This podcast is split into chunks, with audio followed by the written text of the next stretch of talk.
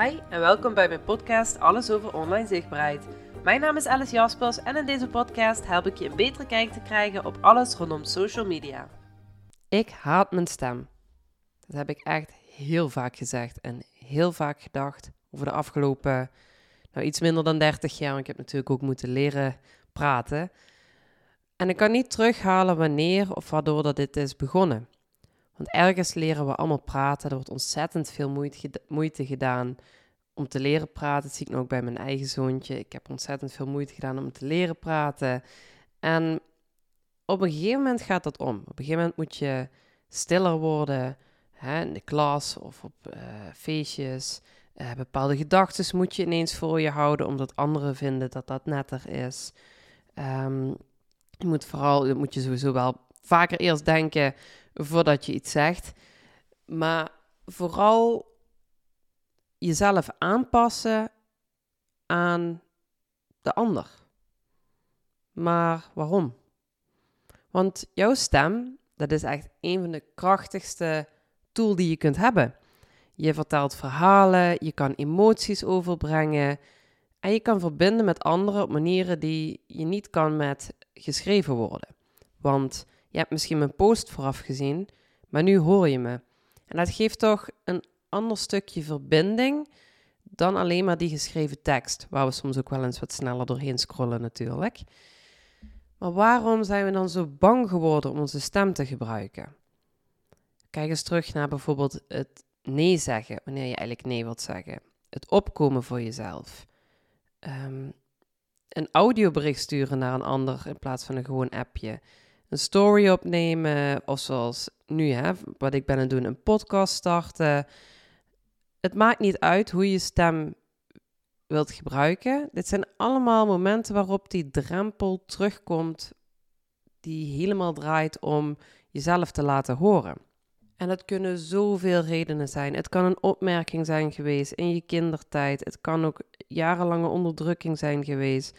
Het kan ook een eigen geloof zijn, zoals bijvoorbeeld bij mij ik had altijd een hekel eraan om mezelf terug te horen vanwege mijn Limburgs accent. En ik dacht, voordat ik deze podcast ging starten, dacht ik van, ja, daar zal toch niemand naar luisteren buiten Limburg, want het is waarschijnlijk niet aan te horen.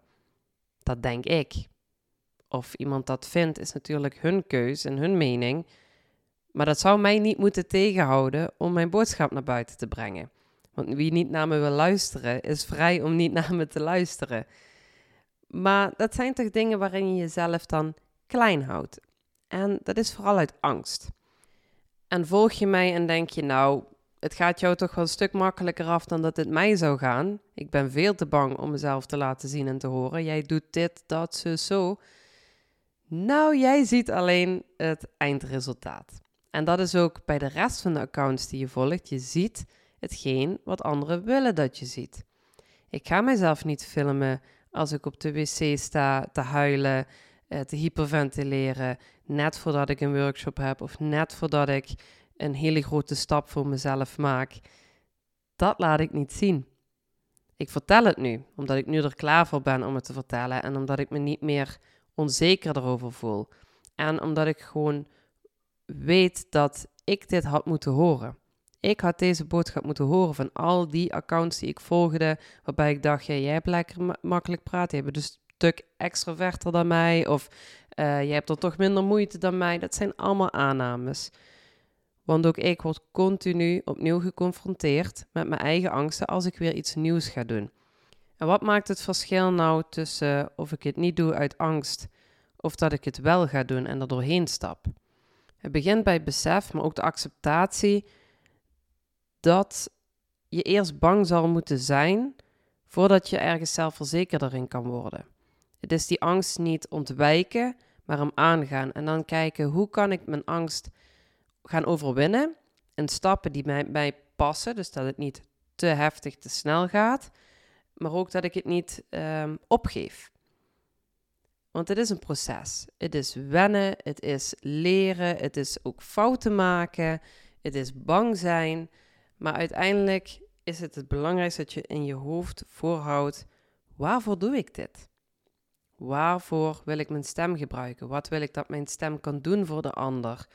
Wat um, wil ik hieruit gaan halen voor mezelf en voor de ander? Want wanneer jij die angsten voor jezelf aanpakt, word je sterker, ga je meer aandurven. En of dat nu zakelijk of privé is, die stappen die je zet, die werken uit aan de andere kant. Ik heb bijvoorbeeld afgelopen weekend een karaokeparty gehad. Nou, zingen bij iemand anders, nou, dat is op de een of andere manier een mega angst van mij geweest. Is. Ik, ik, zit nu een beetje in die tussenfase, want nu heb ik het gedaan een paar keer dit weekend. En nu zit ik in zo'n die gekke fase waarbij je denkt van, oké, ik was super bang en nu heb ik het gedaan. En eigenlijk vind ik het nog steeds akelig, maar eigenlijk niet meer zo akelig. En misschien vind ik het zelfs wel leuk als ik het nog wat vaker doe. Herken je dat? En waarschijnlijk, als ik dus nog een stuk of twee of drie heb gehad, nou, dan zing ik alsof het niks is. Maar ik heb wel die eerste stap moeten nemen. En datgene wat ik nou privé die stap heb genomen, dat gaat mij ook weer helpen nu met mijn workshops, met mijn podcast. Elk klein stukje van die drempel overwinnen om mezelf te laten horen, werkt uit op andere gebieden. Want denk eens terug aan een moment of momenten, dagen, eh, dat je met een ander was en je zei wat je wilde zeggen. Je had ook het gevoel dat je alles helemaal goed overbracht. Um, en waarop je je volledig vrij hebt gevoeld zonder dat je bang was voor het oordeel van die ander. Er zijn waarschijnlijk heel veel mooie dingen uitgekomen. En niet alleen heel veel mooie dingen uitgekomen, maar hoe voelde je daarbij? Want als je in vrijheid je boodschap kan delen bij iemand die het goed ontvangt en er ontstaat iets moois uit, dat geeft zo'n enorme kracht voor jezelf en zo'n boost van zie je wel, zie je, ik kan door iets van mezelf te delen, kan ik iets betekenen. Of voor mezelf, ik voel me er goed bij me te delen. Voor de ander, kan zijn in de zin van advies, maar het kan ook gewoon een leuk gesprek voeren, een stukje herkenbaarheid creëren, verbinding. Of misschien nog verder, je durft voor jezelf op te komen en er komen dingen naar je toe waarvan je dacht, nou ik had nooit gedacht dat dat ging gebeuren. Ik onderneem nu bijna drie jaar en als ik nu terugdenk aan drie jaar geleden, bijna alles wat ik nu dagelijks doe en zelfs op, vaak op autopiloot, hè, want deze podcast is niet voorbereid. Ik had een idee en ik heb net de microfoon aangezet en ik begin gewoon met praten. Ja, dit had je me eerst echt niet moeten zeggen dat ik dit ging doen. Dan had ik je keihard uitgelachen. Maar dat is bijna alles wat ik nu doe. En dat kan voor jou ook. Kijk eens terug, kijk eens terug naar die momenten waarop je door die angst heen bent gegaan. Welke stappen heb je doorlopen? Zie je daar dingen in terugkomen? Want als je goed gaat opletten, gaat bijna elk proces om uit je comfortzone te gaan, die verloopt bijna hetzelfde. Maar om het proces te starten, zul je wel die eerste stap moeten nemen.